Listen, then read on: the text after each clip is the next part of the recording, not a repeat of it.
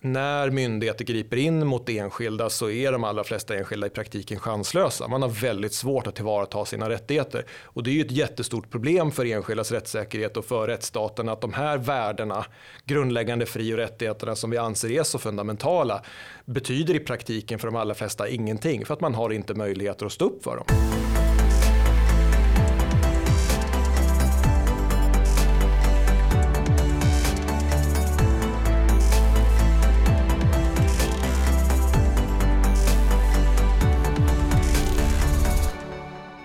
Centrum för rättvisa står upp för individen genom att driva rättsprocesser och delta i debatten om rättighetsfrågor.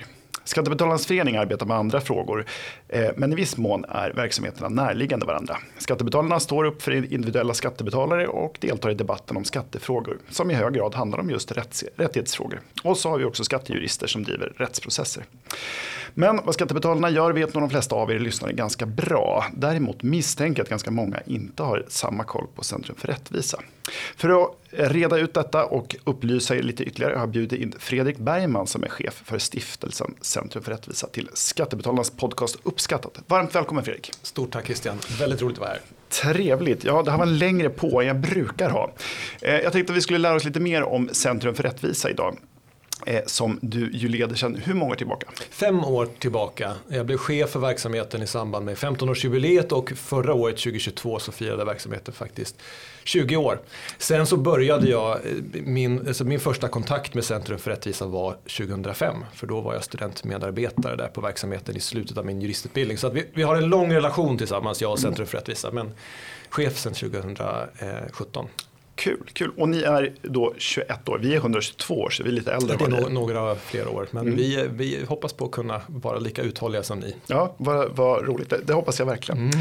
Mm. Eh, berätta mer om er verksamhet. Vad, vad gör ni för någonting? Jag gjorde en kort intro här i påan. Men vad, vad är det ni gör och varför? Alltså det, där, det där är... Eh, alltid när jag gör en intervju så måste jag alltid sitta och fundera lite grann. Hur ska jag nu beskriva Centrum för, Centrum för rättvisas verksamhet? Och skälet till det är att Centrum för rättvisas verksamhet är helt unik i Sverige. Det är en verksamhet som så att säga, är bildad för 20 år sedan med så att säga, en amerikansk förebild. Och I USA så kallas vår verksamhet för Public Interest Law Firm. Alltså vi är en, så att säga, en juristverksamhet, vi fungerar som en advokatbyrå men till skillnad från en vanlig advokatbyrå så är det inte så att säga, fritt fram att kliva in på vårt kontor och erbjuda oss ett uppdrag som vi tar och driver det enbart för den enskilda klienten utan att vad vi gör är att vi hjälper enskilda att driva viktiga fall om, om fri och rättigheter. Vi hjälper de här människorna att få tillgång till rättvisa och upprättelse men vårt säga, ultimata syfte med verksamheten är som att stärka skyddet för rättssäkerhet för, i hela Sverige.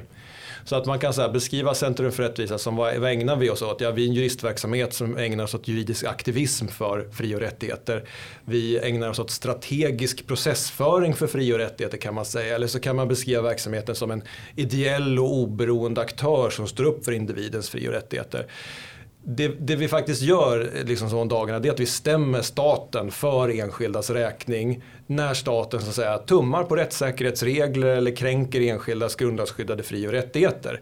Eh, och vi gör det för att göra samhället bättre, för att stärka rättssäkerheten genom rättsprocesser. Så att vi gör någonting som är väldigt ovanligt i Sverige, vi använder rättsprocesser som ett påverkansverktyg för att liksom stärka enskildas frihet och, och grundläggande rättigheter. Så det, är, det, är, ett långt svar på den där, mm, på den där mm. frågan. Ja, jag har ju följt er verksamhet eh, sedan starten faktiskt eh, på lite håll. Men, men det här är eh, tillvägagångssättet du säger, ni är inspirerad av amerikanska och det är väl Institute for Justice framförallt som, som var inspirationskälla. Eh, och i USA så ser ju den här liksom, politiska juridiken, eller sättet att använda juridik mm. på ett politiskt sätt mm. väldigt annorlunda ut mot i Sverige. Jag har träffat lobbyistfirmor, det är allt från sådana som finns i Sverige, det vill säga som påverkar debatten och pratar med politiker. Men där finns det också de som helt enkelt skriver lagförslag till medlemmar av kongressen. Mm. Eh, så det är, en väldigt, det är en väldigt annorlunda terräng i USA. Eh, men det är väldigt intressant att ni har tagit den systematiken till, mm. till Sverige. Eh, vad, vad avses då med enskildas fri och rättigheter? Vad, vad omfattar det? Alltså, på, å ena sidan kan man säga att vi eh, har ju liksom ett rättspolitiskt uppdrag som är att, att stärka skyddet för individens fri och rättigheter. Och där utgår vi inte från någon egen uppfattning om vad de här fri och rättigheterna är utan att det handlar framförallt om att slå vakt om vad som står i vår egen grundlag om fri och rättigheter och vad som står i Europakonventionen om de mänskliga rättigheterna. Så att vi utgår i vår verksamhet från så att säga, det som är befintlig lagstiftning. Vi har ju haft bestämmelser om fri och rättigheter i vår grundlag sedan 70-talet. Så att det är inte så att säga, de grundläggande värderingarna som verksamheten ska slå vakt om är inget som vi har kommit på själva utan det är ju jag säga, inte, var inte på 70-talet som fri och rättigheter uppfanns men vi utgår från de fri och rättigheter mm. som vi har i vår, vår grundlag och i Europakonventionen. Eh, och de rättigheter som finns där det handlar ju om så att de olika opinionsfriheterna, yttrandefriheten, eh, religionsfrihet, Eh, viktiga frågor hos oss är som rättssäkerhet och äganderätt, eh, personlig integritet. Eh, så att det är de värdena som så att säga, verksamheten eh, syftar till att slå akt om och se till att de så att säga, inte tummas på. Mm. Men det är bara det offentliga som är motpart, det är aldrig, det är aldrig privata företag eller så? Alltså det är ju så när det gäller fri och rättigheter traditionellt sett så är det som säga, rättigheter som man har emot staten, mm. det allmänna. Så att det, är, det är det allmänna som är våra motparter. Sen har vi haft några, i några fall så har vi haft fack och arbetsgivare. Eh, men det har ju att göra med den svenska modellen som gör att alltså, även om arbetsmarknadens organisationer eh, är så privata juridiska subjekt så har de ju liksom i, i vissa fall myndighetsutövande funktioner. Så att staten har ju delegerat en del av ansvaret för arbetsvillkor så till privata organisationer i Sverige. I andra länder så, så är det lagstiftning som hanterar de här frågorna. Så att, eh, men i huvudsak är det allmänna som är motpart så att vi företräder då enskilda i rättsprocesser mot det allmänna. Mm. Spännande. Hur går det för er och Brukar ni vinna de här fallen? Hur många fall tar ni er an? Jag ska säga att vi har väl eh, ungefär 20 fall som pågår hela tiden och de här fallen är, det är rätt stora investeringar för verksamheten tidsmässigt och resursmässigt det vanligaste tillvägagångssättet är att, så att vi för en enskilds räkning stämmer staten på skadestånd i tingsrätt, i allmän domstol. Och de här processerna de, kan, de pågår ofta ja, tre, fyra år. Mm. Kan ta ännu längre tid, vi har haft rättsfall som har liksom pågått i eh, över tio år. Eh, eh, så. Men det, det, är rätt, det är ett stora åtagande så det är inte så många till antalet fall som vi driver. Nej. Eh, hur, och hur många förfrågningar får ni? Massvis med ja. förfrågningar så att man kan väl säga att de allra flesta, eh, frågan hur, hur fall kommer till oss så kan jag säga liksom att en rätt stor del kommer eh, genom att människor skriver till oss och, och ber om vår hjälp. Men sen en annan del av, av, de fall vi driver är också resultatet av egen uppsökande verksamhet och egen research. För det kan man säga att det är en del i den, så att säga, den problembild som Centrum för rättvisa handlar om är att människor så att säga, har svårt att tillvarata sina grundläggande fri och rättigheter. Det är det som problem som Centrum för rättvisa vill så att säga, adressera. Och e, e, en, en del i det är att enskilda känner inte till sina rättigheter. Så att det, är rätt, det är inte ovanligt att människor kan drabbas av rätt allvarliga rättsövergrepp från statens sida men att de enskilda såklart förstår att det är orättvist men inte förstår att de kan ha juridiska rättigheter som de kan försvara. Så att, eh, rätt många fall som vi driver så har vi läst om, om fallet. Det är, ett, det är resultat av vår egen omvärldsbevakning och så ringer vi upp personen och, och hör lite grann eh, om vad som har hänt och erbjuder vår hjälp. Mm. Eh, jag kan tänka mig det, alltså, ganska många blir ganska spaka i kontakt med myndigheter och är ännu värre misstänker om det är en domstol, att man, man faktiskt är, är ganska rädd för att processa. Eh, och det kan ju också vara, kan ju också vara otroligt, otroligt, dyrt att göra det också. Absolut, jag menar som problembilden som Center för rättvisa handlar om är att om man säga utgångspunkten fri och rättigheterna är liksom ett av fundamenten för samhället. Mm. Det, det är de som på något sätt markerar gränsen mellan det privata och det offentliga. Vad får det offentliga gripa in i? Och vår verksamhet handlar om att skydda en en privat sfär mot maktövergrepp. Och problemet är ju bara att de här rättigheterna då som är, finns i grundlag, som finns i Europakonventionen är liksom väldigt svåromkomliga för vanliga människor. Och att i praktiken så att säga när myndigheter griper in mot enskilda så är de allra flesta enskilda i praktiken chanslösa. Man har väldigt svårt att tillvarata sina rättigheter. Och det är ju ett jättestort problem för enskildas rättssäkerhet och för rättsstaten att de här värdena, grundläggande fri och rättigheterna som vi anser är så fundamentala, betyder i praktiken för de allra flesta ingenting för att man har inte möjligheter att stå upp för dem. Man är i praktiken rättslös som enskild när myndigheten angriper och det är här Centrum för rättvisa försöker komma in och så att säga, i någon mån bidra till att, att jämna ut oddsen och ge enskilda en, en, en tydligare chans att få rätt mot myndigheterna. Och jag misstänker också att i den mån man får ut ett skadestånd så är det inte så att det skulle täcka flera års processande om man skulle köpa jurister på stan. Nej, så är det ju. Om man tittar konkret på de här rättsprocesserna så handlar det ofta om att säga, vi kommer in i ett skede där det skett ett rättighetsövertramp och att vår process väldigt mycket handlar om ansvarsutkrävande och sätta exempel. Eh, och det man så att säga, rent ekonomiskt kan åstadkomma med en sån här process då, alltså för den enskilda klienten det är att man får som du säger ett rätt symboliskt skadestånd. Så att rent ekonomiskt de här processerna som vi driver de går ju inte ihop. Eh, och det är ju en del i varför man, när jag säger att människor är i praktiken rättslösa för att det finns liksom ingen ekonomi att driva de här fallen. Eh, om, om, man bara tar som ett exempel, om vi tar en, en, så att säga, en genomsnittlig rättighetsöverträdelse i Sverige. Det kan vara en rättssäkerhetsfråga att man har fått en, en, en rättsprocess som har dragit ut på tiden eller man har det har funnits ett förbud mot att överklaga och det har varit otillåtet eller att det har varit Eh, ja, men vi har ett, om vi tar som ett, ett exempel, en, en, en man som heter Arne Gavelin, en gammal man som felaktigt blev omyndigförklarad under ett års tid. Han fick 60 000 kronor i skadestånd av staten efter att tingsrätt slog fast att man då felaktigt hade fråntagit honom alla hans rättigheter som person. Felaktigt i ett års tid. Han fick 60 000 kronor i ersättning. Eh, och en sån där, eh, eh, själva processen kostar ju flera hundratusen kronor så att man har väldigt lite att vinna. Uppsidan för en enskild i ekonomiska termer är, är liten och kostnaderna för att driva process överstiger ofta det man kan vinna flera gånger om. Så att även de människor som så att säga, känner till sina rättigheter går de till en advokat och säger jag vill stämma staten eh, av principiella skäl för att de överträtt mina rättigheter så kommer den advokaten och den advokaten är, så att säga, gör sitt jobb kommer avråda klienten för att driva fallet för att det kommer kosta mer än vad det smakar. Och det är en bidragande del i problemet. Ja, och eh, då, då ska man vara principiellt driven, känna sig ordentligt trampad på tårna och ja. ha en del pengar på fickan och tycka att det är värt det. Absolut. Mm. Och det är också så att du, om du inte anlitar en advokat så är du ju i praktiken helt chanslös. Utan att man måste ha en advokat eller en jurist för att kunna ha någon som helst rimlig möjlighet till framgång mot, mot myndigheterna. Så att, och det måste man i de allra flesta fall betala själv. Så att det krävs ju en tjock plånbok och mycket tid för att, så att säga, kunna stå upp mot staten. Nej, och vi märker ju det, vi rådger ju våra medlemmar i eh, just skattefrågor och i, när man har med Skatteverket att göra. Eh, och så har vi också ett eh, så kallat skatterättsskydd där vi hjälper att processa. Och det är ju så att det, i de flesta fall hade det ju inte varit värt att göra om inte vårt skatterättsskydd var liksom mm. ganska prisvärt. Mm. Det är sällan man får tillbaka de pengar man mm man kan vara bedragen på. Aha, hur brukar det gå för då? Vinner ni de fall ni tar er an? Ja, just det, det var ju frågan. Ja, nej, men det har, det har ju faktiskt gått mycket bättre än vad man kanske trodde när verksamheten startade. När verksamheten startade då för lite drygt 20 år sedan så var det många som tyckte att det verkade vara spännande men där, där man då var skeptisk till att den här typen av verksamhet överhuvudtaget skulle det finnas förutsättningar för att driva. Man sa att det kommer inte vara någon som vill ge pengar till det här för att det kommer inte finnas några fall att driva och även om det finns fall att driva så kommer man inte ha någon framgång för att vi har liksom inte någon tradition i Sverige av att använda rättsprocesser på det här eh, sättet. Men eh, vi kan väl konstatera då att efter de här 20 åren så har vi, om det jag tror är 22 eh, prejudicerande vinster i de högsta eh, instanserna då, som har lett till då vägledande prejudikat. Man kan säga att våra rättsfall då i praktiken har då skapat eh, starkare lagskydd för individens fri och rättigheter. Och, eh, och förlåt, prejudikat är alltså att andra domstolar när de dömer liknande mål så måste de förhålla sig till den domen. Ja exakt, alltså att vi försöker ju i så stor utsträckning som möjligt prioritera fall, eh, rättsfall som vi kan driva upp till högsta instans, till högsta domstolen ofta. Just för att högsta domstolens domar blir vägledande, att man kan få så att säga, en systempåverkan i ett enskilt fall.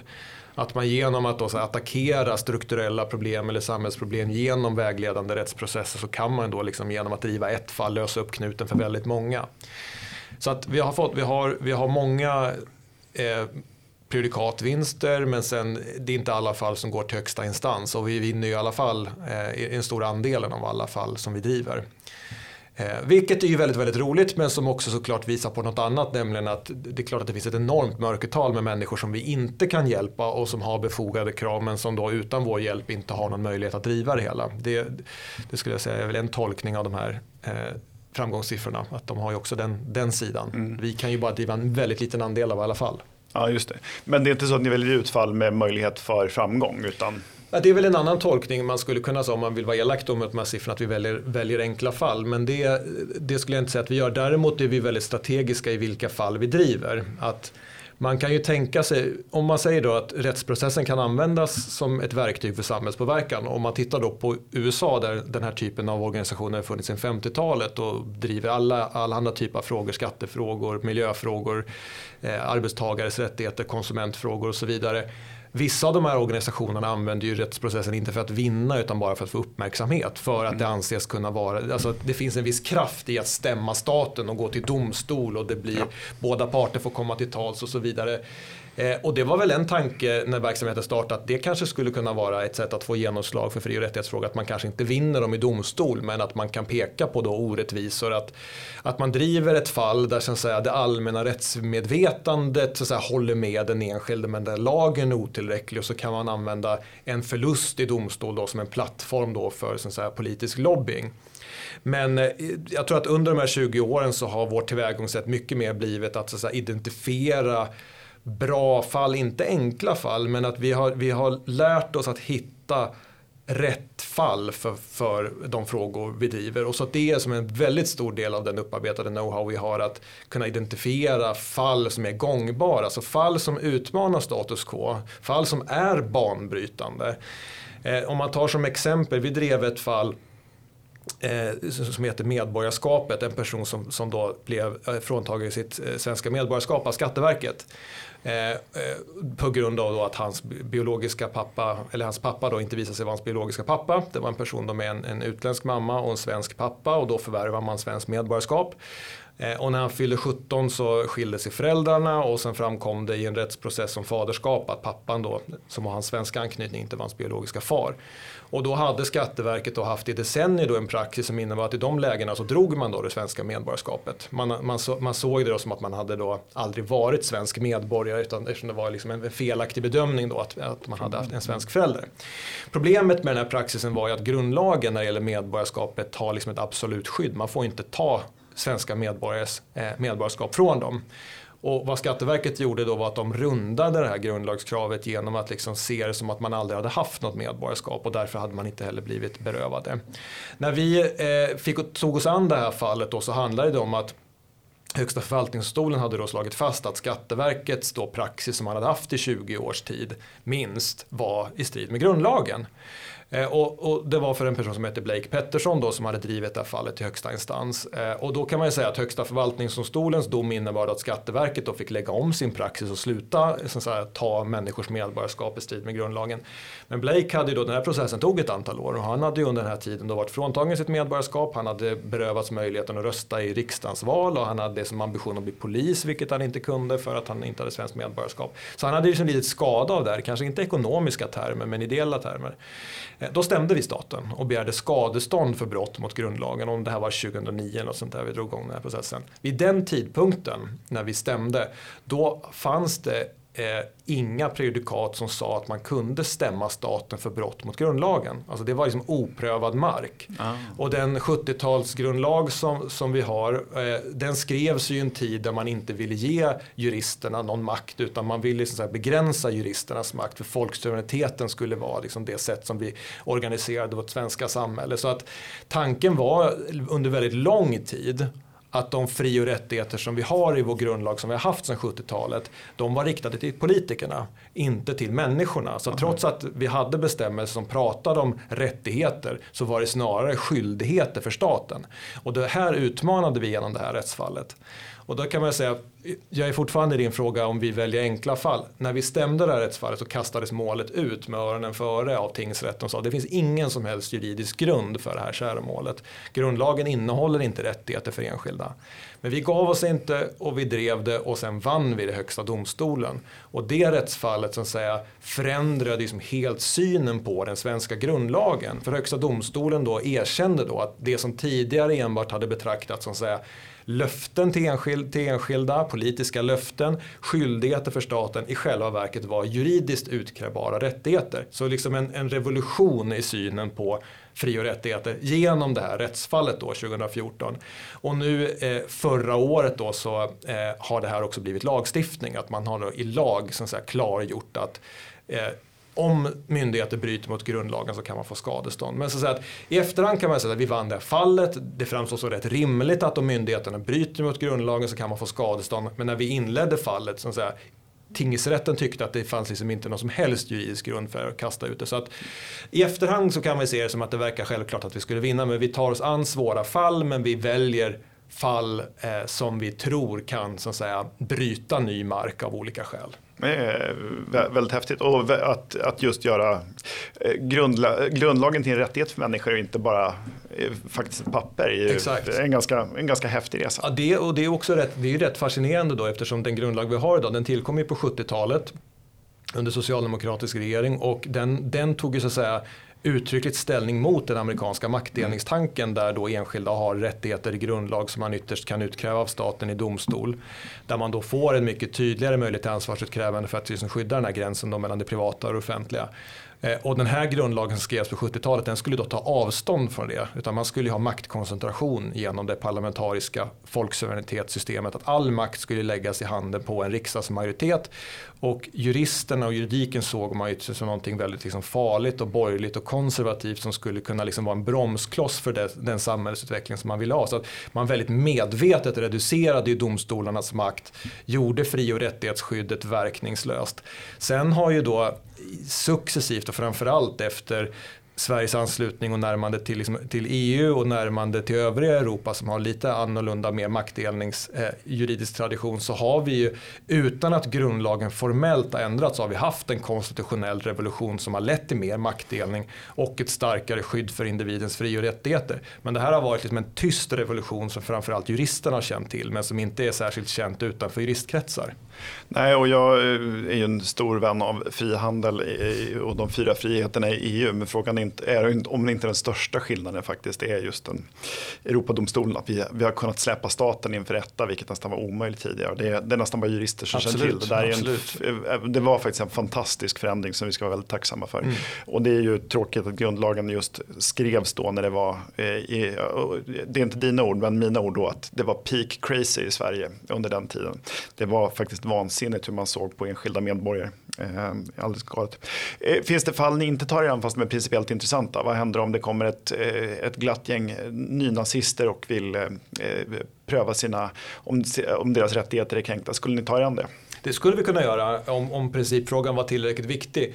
Vi har liksom inte någon sån, så att säga, den enda princip vi har vid vårt fallurval det är att vi prioriterar människor som inte kan tillvarata sin rätt på egen hand.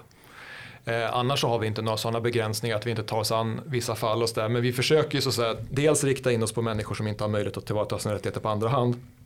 Sen så vill vi ju så att säga, driva frågor där vi så att säga, det inte finns eh, skyddsnät. Eh, till exempel när det gäller brottsmisstänkta där fri och rättigheter kommer in på många olika sätt. Man riskerar frihetsberövanden och, inskränkningar i sina fri och rättigheter på olika sätt.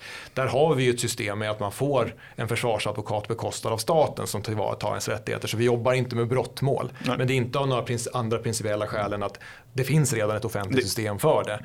Utan vi försöker liksom täcka in de luckor som finns alltså, eh, som handlar liksom om fri och rättighetsskyddet på andra områden. Mm, ja, så att, men om, om, frågan just om man tar just den nynazister, vi skulle inte så säga, säga att nej vi ska inte driva det för att vi gillar inte deras åsikter utan där skulle man ju då säga att eh, handlar om att, att det är yttrande, en yttrandefrihetsfråga till exempel. Att, det, att nynazister har fått sin yttrandefrihet inskränkt på att man inte gillar deras åsikter. Då kan man säga ja, principiellt det är ett kanske intressant fall. Sen det som kommer in och begränsar är ju att vi vill ju ändå välja sådana fall som vi tror man kan få framgång med. Och där kanske man, alltså det är väl kanske där då man skulle fundera på om det finns en risk så att, att, eh, att personerna som man företräder är problematiska på ett sånt sätt att det överskuggar principfrågan. Mm. Så att jag tror att det är där det kan komma in. Just det, och ni har ingen skyldighet att ta er an eh, Verkligen inte. någonting utan det väljer ni helt, vi, väljer helt själva. Vi väljer helt själva och vi är väldigt selektiva vilka fall vi vill driva. Vi, vi tackar, tackar nej till de allra flesta förfrågningar att driva utan eh, det är ett enormt researcharbete som ligger bakom varje rättsfall som vi, som vi driver. Vi, har, vi, har, vi är som en helt privat verksamhet som finansieras bara av, av privata pengar, eh, privat eh, ska säga, filantropi. Så vi är ju ingen myndighet utan vi är en, en helt oberoende eh, stiftelse. Så att vi väljer helt vilka fall vi ska driva. Eh, ja, just det, för det är viktigt att säga, ni tar inte emot pengar från de ni företräder i regel. Nej. Och ni tar inte emot eh, några offentliga bidrag heller. Nej, Nej men det, ju, det, har ju varit en väldigt viktig del i verksamheten att vara så att säga, eh, helt oberoende från de som säga, vi eh, stämmer, som är ju staten. Så att vi har alltid haft en helt oberoende finansiering både från staten men också från de människorna vi företräder. Att vi tar inte betalt av de människor vi företräder. Det är liksom ett grundbult i verksamheten att vi, det, vi ställer upp eh, så att säga, utan kostnad för den enskilde. Eh, har ni, du nämnde att eh, ni har förändrat hur svensk grundlag kan användas. Har ni åstadkommit några andra lagändringar? Det här med grundlagsskadestånd ska jag säga är den allra viktigaste förändringen som jag fått igenom och som är mest betydelsefull för att den som säga, täcker in hela fri och rättighetsområdet. Att vi har sett till att liksom, grundlagsskyddet för de fri och rättigheter som finns har nu blivit verkningsfullt där det har blivit så att säga, lagförändringar. Jag kan säga att det är väldigt sällan vi angriper lagar. För att det är väldigt sällan, det är väldigt sällan så att riksdagen stiftar lag i uttryckliga syftet att liksom så kränka enskildas rättigheter utan ofta sker det här på myndighetsnivå och inte sällan på kommunal nivå. Att det är enskilda myndighetsbeslut som enskildas äganderätt eller rättssäkerhet trampas på. Eh, de lagar som så att säga, vi har riktat in oss på, eh, det har vi framförallt gällt då eh, FRA-lagen som var en jättedebatt 2008 när då eh, Försvarets radioanstalt helt plötsligt fick tillgång till i princip alla svenskars elektroniska kommunikation över en natt och man då rätt, alltså åtminstone teoretiskt urskillningslöst då kunde övervaka människors mobiltelefonsamtal, eh, sms, internettrafik utan minsta brottsmisstanke. Eh, och, där, och, och 2008 blev det en jättedebatt om, har vi nu fått ett storebrorssamhälle. Där vi då eh, stämde svenska staten för vi gjorde gällande att det här regelverket eh, var så att säga, otillräckligt för att skydda den personliga integriteten. Och det, det fallet vann vi sen om det var 20, 2021 där Sverige fälldes i Europadomstolen där, där då Europadomstolen kom fram då till att eh, FRA-lagen inte innehöll då, den, är liksom enormt integritetskänsligt. Eh, eh, deras verksamhet, hemlig, hemlig massövervakning av i princip alla svenska medborgare, åtminstone i teorin.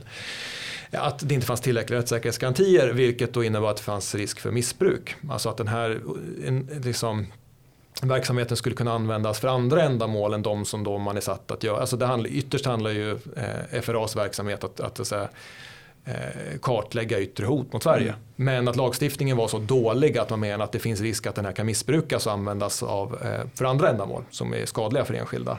Och, och, och, och konsekvensen av Europadomstolens dom är att lagstiftningen måste skrivas om. Det har ännu inte skett men, men eh, det är man nu skyldig att göra. Sen andra frågor där det har blivit lagändringar är också det här med kvotering där Centrum för rättvisa tidigt 2006 drev frågor om eh, positiv särbehandling och kvotering i högskolan. Framförallt där då eh, där Högsta domstolen slog fast att, att det var ett antal högskolor som experimenterade med kvotering på etnisk grund bland annat eh, och eh, andra former av positiv särbehandling. Där då man efter ett antal domstolsutslag då så slogs fast att det här var så säga, diskriminering som högskolorna ägnade sig åt som var otillåtet. Där blev det lagändringar då, där det klargjordes att man då inte fick använda kvotering i alla fall till, till högskolan. Ja, just det var ett fall bland annat med eh, på veterinärhögskolan, eller det var några som skulle bli veterinärer och, och, inte fick bli det för att de helt enkelt var tjejer. Exakt. Ja. Eh, och det fick de det fick de smäll för. Eh, och sen så eh, var det kvotering av utländska medborgare också samma i något fall. Ja, det, var, det, var, det, det, första fallet som nådde Högsta domstolen det var juristutbildningen i Uppsala då, som då öronmärkte 10% av sina 300 utbildningsplatser då till eh, sökande som hade två utlandsfödda föräldrar. Och det här slog det Högsta domstolen då fast då utgjorde etnisk diskriminering eh, som man då fick upphöra med. Så, och så kan man ju säga att kvotering är ju den mest långtgående versionen av positiv särbehandling. För då säger man ju då att personer då som hör till en viss kategori eller som har vissa säga, man har en viss etnicitet eller liknande, de konkurrerar inte med, med, med andra eh, personer som inte har de eh, eh dragen. Då. Eh, och vilket gör då i det här fallet när det gäller yrkesutbildningen då att personer med sämre betyg då, men med utlandsfödda föräldrar kom in då framför eh, sökande då som inte hade två utländska föräldrar men med bättre betyg. Eh, det är ju eh, det, är det som kallas kvotering och det som vi drev sen gällande veterinärutbildningen det var inte då kvotering men man hade då system att då sökande, när det var då populära utbildningar där det var många sökande som hade högsta betyg då fick kön bli utslagsgivande. Och man gjorde så då att det underrepresenterade könet då fick företräde. Och i de små betygsurvalsgrupperna, då i det här fallet gällde det folkhögskolebetyg, där det fanns då kanske fyra, fem platser och det var en kvinnodominerad utbildning. Då var man i praktiken då chanslös då om man var kvinna och sökte i den gruppen. Mm. Eh, och det kom domstol också fram till att det var eh, otillåten diskriminering på grund av kön. Ja, det är intressant. Ja, det, och dessutom blir argumenten allt tunnare när man diskuterar det här, var, varför det här skulle vara så bra. Mm. Därför att har du två utlandsfödda föräldrar så kan det duga med om dina föräldrar är norrmän och sen har du någon som har en ja, en, en, en förälder i ett annat land som kanske har kommit hit i vuxen ålder och en, en svenskfödd men som kommer från samma land från början. Det, är så här, det blir ett väldigt, väldigt grovt sätt att sortera folk på. Det är ett väldigt trubbigt verktyg. Eh, alltså, I grund och botten handlar det ju om att alla de juristutbildningarna vid Uppsala universitet och veterinärutbildning det, det var ju som vällovliga syften att man ville öka mm. mångfalden och man ville, och man ville främja jämställdhet. Men som du säger, problemet med positiv särbehandling och kvotering är ju att det är väldigt trubbiga verktyg och att det är väldigt stor risk att det slår snett. Samtidigt som att man tummar på väldigt så att säga grundläggande rättviseprinciper. Ja. Alltså att man, att man kan styra över sina betyg men man kan inte styra över sin etnicitet. Eh, och att eh, jag tror ändå att rätt många upplever den här typen av sortering på grund av kön eller etnicitet som rätt orättvis. Ja, det, blir ju framför, alltså det blir otroligt frustrerande för den som borde ha kommit in mm. annars. Eh, och det är faktiskt den som prioriteras mm. bort då, till förmån för någon som, som har sämre kvalifikationer. Då. Eh, ni har ju jättemånga spännande gamla och aktuella fall på er hemsida som är väl värda att läsa för den som är eh, särskilt intresserad. Eh, ett som jag tänkte vi skulle upp är Sylvi mot staten. Eh, I det fallet har Högsta förvaltningsdomstolen beslutat att en kvinna vid namn Sylvi inte kunde få ersättning för de rättegångskostnader hon haft för att få rätt mot Skatteverket i förvaltningsmål. Eh, trots att en sån rätt kan följa av grundlagens bestämmelser om rättvis rättegång. Eh, jag tänker att om man som enskild skulle få, frågan, en, eh, få se frågan som är avgjord när Högsta förvaltningsdomstolen satt ner foten. Men det tycker inte ni. Frågan är inte avgjord. Berätta varför, hur ni agerar i ett sånt ärende. Så här är det ju. Eh, om man skulle säga ett stort rättssäkerhetsproblem i Sverige det är att människor som överklagar myndighetsbeslut hamnar i förvaltningsdomstol och där får man betala sin advokat själv även om myndigheterna har fel. Så det här betyder alltså att man kan få ett myndighetsbeslut från Skatteverket eller Försäkringskassan eller vad det nu kan vara. De flesta myndighetsbeslut kan överklagas till förvaltningsdomstol. Och är det så att en enskild då eh, konstaterar att här har myndigheten ingripit mot mig, begränsat min frihet, tagit mina pengar på ett felaktigt sätt, då får jag driva det på egen bekostnad. Så även om man då driver sin fråga genom hela instansordningen, förvaltningsrätt, kammarrätt, högsta förvaltningsdomstol, man får rätt i alla instanser så får man ändå betala sina egna kostnader. Så att och, och, vi tycker att det är fullständigt orimligt att enskilda ska få betala när myndigheterna har fel. Och det här är också någonting, det, är inte, det här är inte någonting som bara vi tycker utan Europadomstolen har sedan eh, ganska lång tid nu slagit fast att rätten till rättvis rättegång det är en, en grundläggande fri och rättighet. Den skyddas både i Europakonventionen och numera i den svenska grundlagen.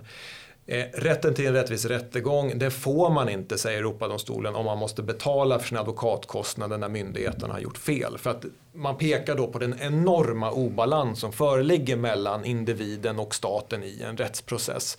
Och man har sagt att det finns ingen generell skyldighet, Europadomstolen har alltså sagt, det finns ingen generell skyldighet för staten att finansiera människors rättsprocesser.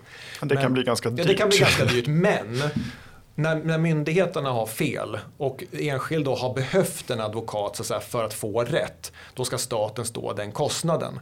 Så det här är någonting Europadomstolen har sagt nu sedan ganska lång tid tillbaka. Det här är någonting som, den, som högsta domstolen i Sverige, alltså som är så att boss över tingsrätt, hovrätt, har sagt att den svenska grundlagen innebär det här. Vi har nu en bestämmelse sedan 2011 om rättvis rättegång i grundlagen och där har då HD sagt att när enskilda då har Eh, vunnit mot myndigheten och det har varit befogat att anlita advokat, då ska staten stå den kostnaden även om det inte finns någon sån rätt i lagen. Då följer det direkt av grundlagen. Så där har vi nu vetat sedan 2015 att Högsta domstolen har tyckt att grundlagen har den här innebörden och det är väldigt bra för enskildas rättssäkerhet. Eh, det som har varit den stora intressanta frågan är ju liksom om grundlagen har den här betydelsen även i förvaltningsdomstolarna. Det andra så säga, domstolssystem ja, vi har i Sverige. Ja, precis. Förvaltningsdomstolen är ett system och allmän domstol är de andra. Exakt, vi har två system med, med domstolssystem i Sverige. De allmänna domstolarna, tingsrätt, hovrätt, HD som i huvudsak har brottmål och familjemål. Och sen har vi då förvaltningsdomstolarna där då alla överklagade myndighetsbeslut hamnar. Och där kan man säga att de flesta medborgare som kommer i kontakt med domstolarna de hamnar i förvaltningsdomstol, förvaltningsrätt, kammarrätt eller högsta förvaltningsdomstol. Och det är i det här systemet då sen man då sen 70-talet då får processa på egen bekostnad. Och det där är ju rätt intressant vad den tanken kommer ifrån det här att man ska så tvingas in i rättsprocesser mot myndigheterna som har helt andra resurser och att man ska få bekosta den här processen själv.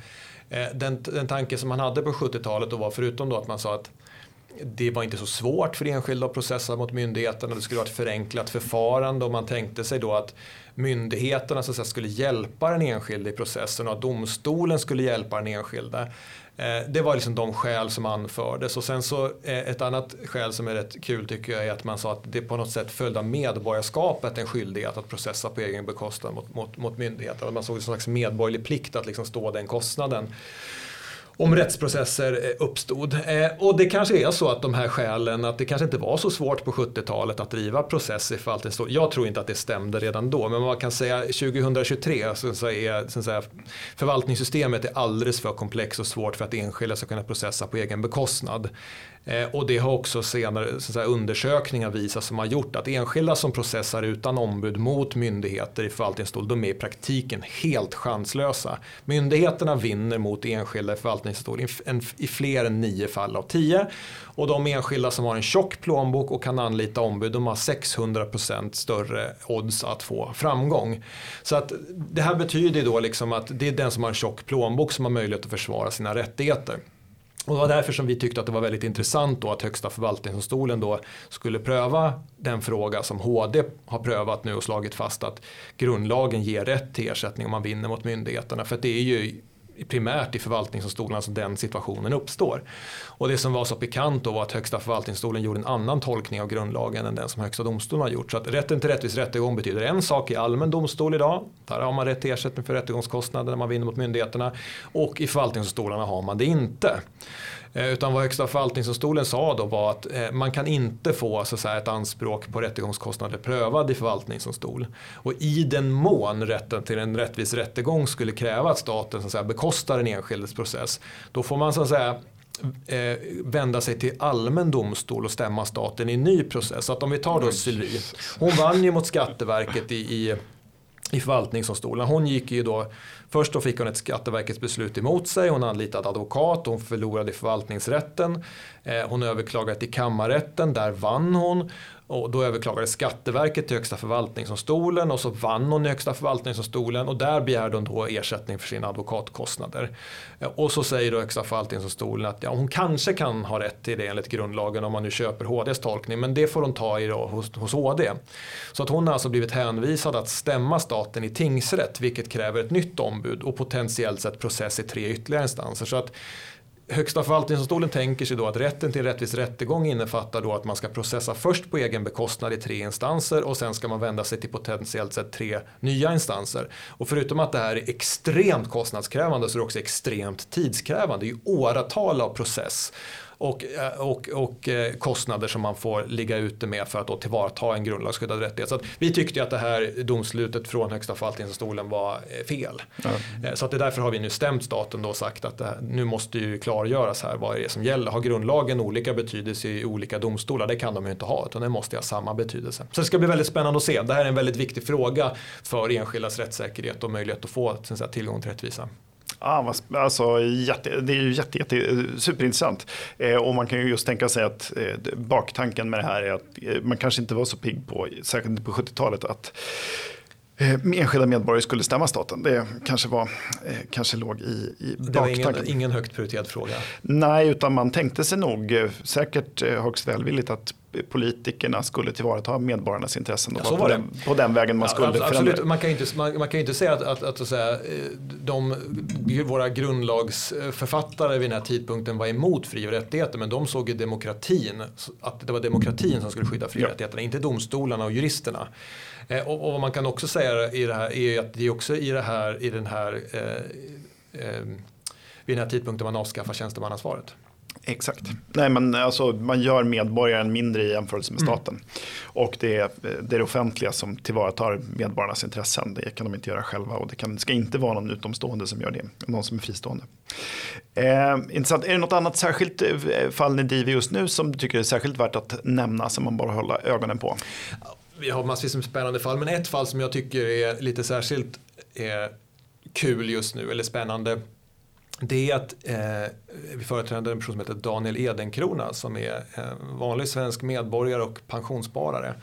Just det, Falcon Funds-grejen Exakt, det här handlar ju alltså om att vi har ju, eh, svenskarna är ju så att säga ofrivilligt fondsparare eh, sen, ett, sen ett, eh, ett antal decennier tillbaka.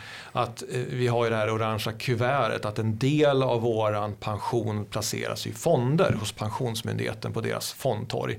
Rätt många svenskar väljer inga fonder och då hamnar man ju liksom i en statlig fond. Men tanken är att man ska då kunna få en högre avkastning på sina pensionspengar då genom att placera de här pengarna i fonder.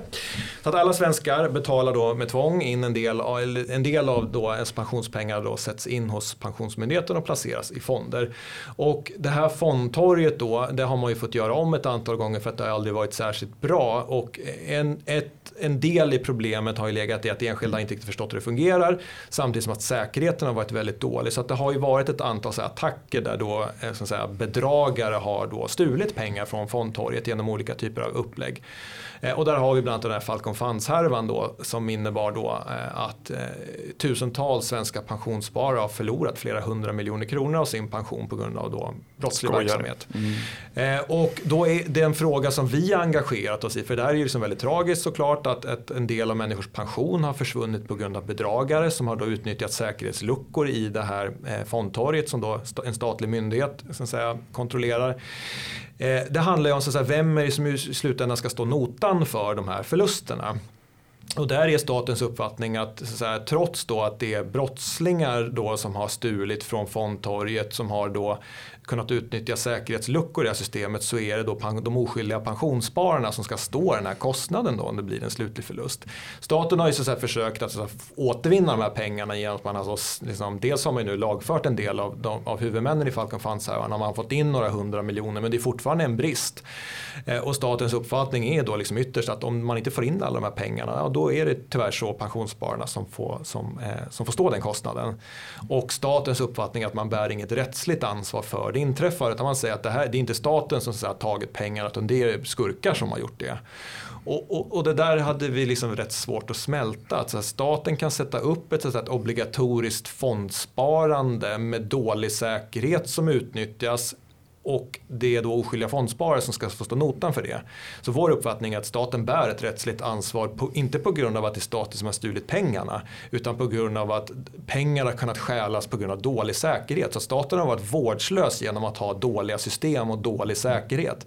Pengar här, för 7000 av de här pensionsspararna så kunde man enkelt flytta pengarna över deras huvuden med, med förfalskade blanketter där man kunde skriva, jag kunde så beställa en sån här blankett eller få tag på en, en fondbytesblankett så kunde jag skriva Christian Ekström vill flytta 100% av sitt tillgodohavande. Jag behövde inte veta vilka fonder du hade utan jag bara sagt 100% och så fyllde jag i då en kod för en Falcon-fond och så skrev jag under Kalanka. Så skickade jag in den här till Pensionsmyndigheten. Den här skannades in och behandlades automatiskt och transaktionen genomfördes utan någon som helst kontroll att det var du som hade skickat den här.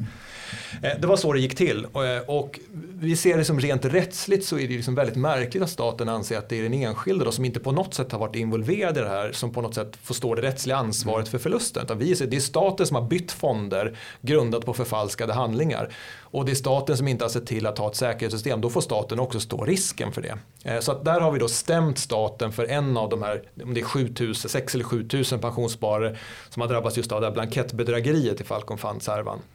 Eh, som ett pilotmål då för att få fastställt att staten har ett rättsligt ansvar för de förluster som då ytterst kan uppstå. Sen är det klart att staten i första hand ska försöka få de här pengarna från skurkarna. Det är ju mm. liksom, klart att det inte är bra att det är skattepengar som används för att, att, att, att säkra upp det här. Men Eh, vi tycker det liksom är rimligt att det är staten som står eh, ansvaret i den här situationen på grund av bristerna, på grund av att staten har varit vårdslös. Att man inte övervältrar det här på, på, på människor som inte haft någon del i det hela. Det är en sak som så här, det uppstår ibland situationer där man är liksom vårdslös, att man lånar ut sitt bank-id eller man ger bort sin PIN-kod eller liknande. Men just, just det här blankettförfarandet så är, skedde det här helt över huvudet på pensionssparare. De hade inte på något sätt gett iväg någon PIN-kod eller säkerhetssystem eller liknande. Det här kunde man då med förfalskad blankett ta vem som helst pengar. I ett statligt administrerat system? I ett statligt administrerat system, i ett, i ett fondsystem som Pensionsmyndigheten kontrollerade. Mm. Ja, spännande. När väntar ni något nästa avgörande? Eh, den här processen har precis satts igång och det kommer vara huvudförhandling i tingsrätten i höst. Mm. Eh, så en dom kommer väl under, under, under senhösten, den första domen. Sen är det väl rätt stor med sannolikhet som det här målet kommer gå vidare till hovrätten och högsta domstolen. Så det är nog ett antal år innan vi får ett, ett, ett slutligt besked i frågan. Och då kan man säga syftet med det här är ju att få, så att säga, vi, vi tycker att vi har hållbara juridiska argument för att domstol ska komma fram till att staten har ett ansvar. Sen gör vi det här också såklart för att liksom lyfta den här frågan för vi tycker att politikerna borde ju ta sitt ansvar i den här frågan och klargöra också att man har ett rättsligt ansvar. Och där har ju man ju tidigare så att säga, duckat den här frågan från politikernas håll utan man har liksom hoppats att det skulle lösa sig genom att man får in de här pengarna så att inte den här frågan ställs på sin spets. Men det är här då vi tycker att vi, att vi vill hjälpa ska de enskilda. På sin spets. Ja. ja, alltså Pensionsmyndigheten har gjort liksom utskick till de här pensionsspararna som har drabbats och där man uttryckligen sagt alltså så att vi är medvetna om att det har försvunnit pengar. I den mån vi får in det så kommer det fördelas proportionellt till mycket ni har förlorat men ni, men ni pensionssparare behöver inte göra någonting i nuläget. Och det skulle jag säga är liksom lite missvisande för ytterst riskerar de här anspråken att bli preskriberade om man inte gör någonting. Utan det är därför som vi tycker att här behöver vi nog gå in och faktiskt nyansera bilden mm. lite grann. Ja, bra. Ehm, spännande. Vad skulle du, vi har ju en eh, ny regering och eh, dessutom är justitieministern en företrädare till och grundaren till Centrum för rättvisa, Gunnar Strömmer. Eh, vad tycker du att regeringen skulle göra för att stärka de mänskliga fri och rättigheterna i Sverige? Det finns många saker som man skulle eh, kunna ta tag i. Jag tycker ju så här, om man, om man bortser från enskilda frågor, till exempel äganderätten är fortfarande för svag i Sverige på flera olika sätt. Eh, men jag tycker ändå att om man ska säga ett, ett generellt problem så är det just det här med att fri och rättighetsskyddet är så svåråtkomligt för enskilda. Att man borde göra det enklare för människor att utkräva sina rättigheter. Möjligt att ett ansvarsutkrävande borde stärkas. Till exempel det här med rättegångskostnader. Det borde man ju ta tag i i lagstiftnings, eh, lagstiftningsvägen för att öka rättssäkerheten i förvaltningsdomstolarna. Sen så att man kan ha ett antal sådana här fri och rättighetsreformer eh, som man såklart eh, vill se att den här regeringen tar tag i. Sen kan man ju säga på grund av hur samhällsutvecklingen har eh, gått med den organiserade brottsligheten så det kommer ju vara den prioriterade frågan ja. för den här regeringen och eh, för den här justitieministern att hantera den organiserade brottsligheten och det handlar ju mycket om att ge de brottsutredande myndigheterna starkare verktyg som ju kommer innebära begränsningar av enskildas fri och rättigheter. Så att de stora fri och rättighetsfrågorna kommer att vara relaterade till brottsbekämpningen nu under, ett, eh, under överskådlig tid eh, framöver. Ja, är det rätt nu? Det, det, är bara en tidsfråga när du kommer att hamna i luven på, på din företrädare alltså?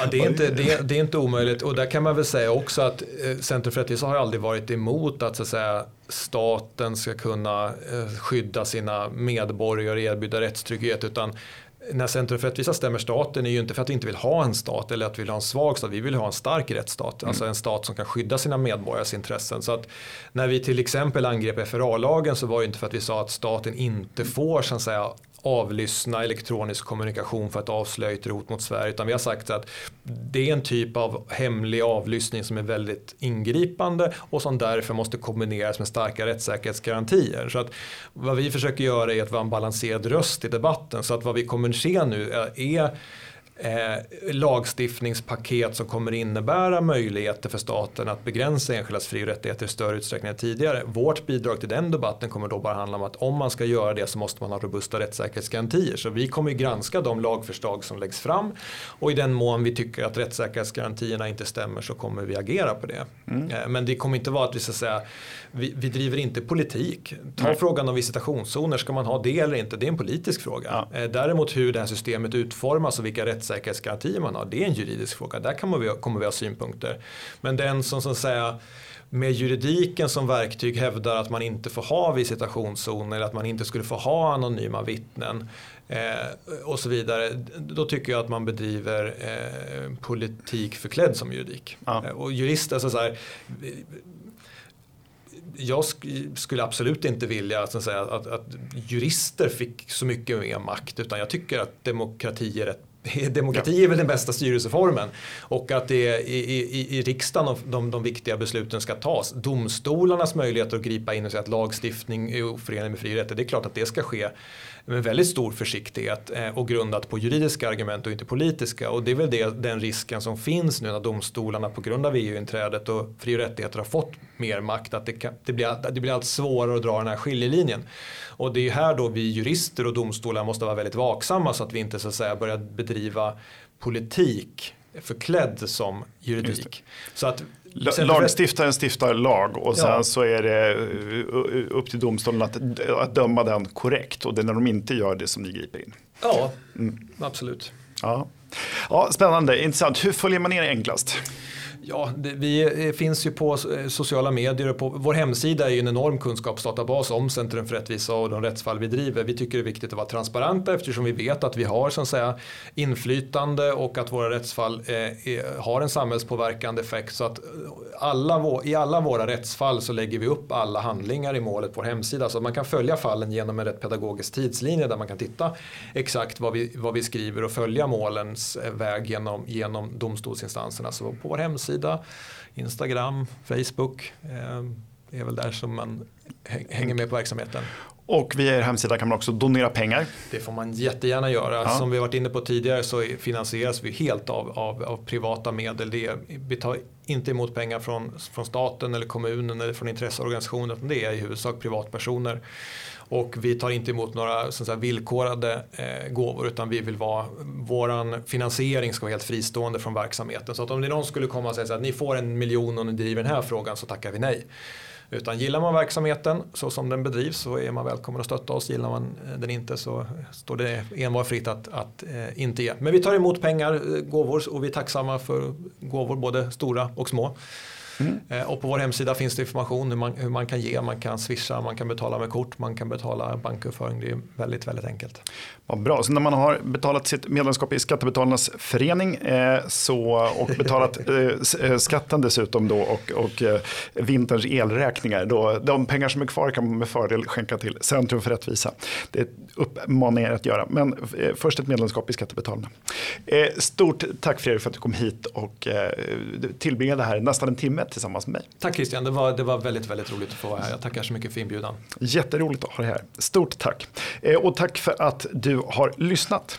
Eh, uppskattat, det är en podcast från Skattebetalarnas förening. Vi arbetar för låga och rättvisa skatter, rättssäkerhet för skattskyldiga och minskat slöseri med skattepengar. Vi bildar opinion och folkbildar i skattefrågan. Och vi lever som vi lär och tar bara emot frivilliga bidrag. Uppskattar du podden och så kan du gärna ge oss ett högt betyg i din poddlyssningstjänst. Och vill du medverka till att Sverige blir ett land med minskat slöseri och rimligare skatter så stödjer oss enklast enklast genom att bli medlem. Läs mer och bli medlem på www.skattebetalarna.se bli medlem.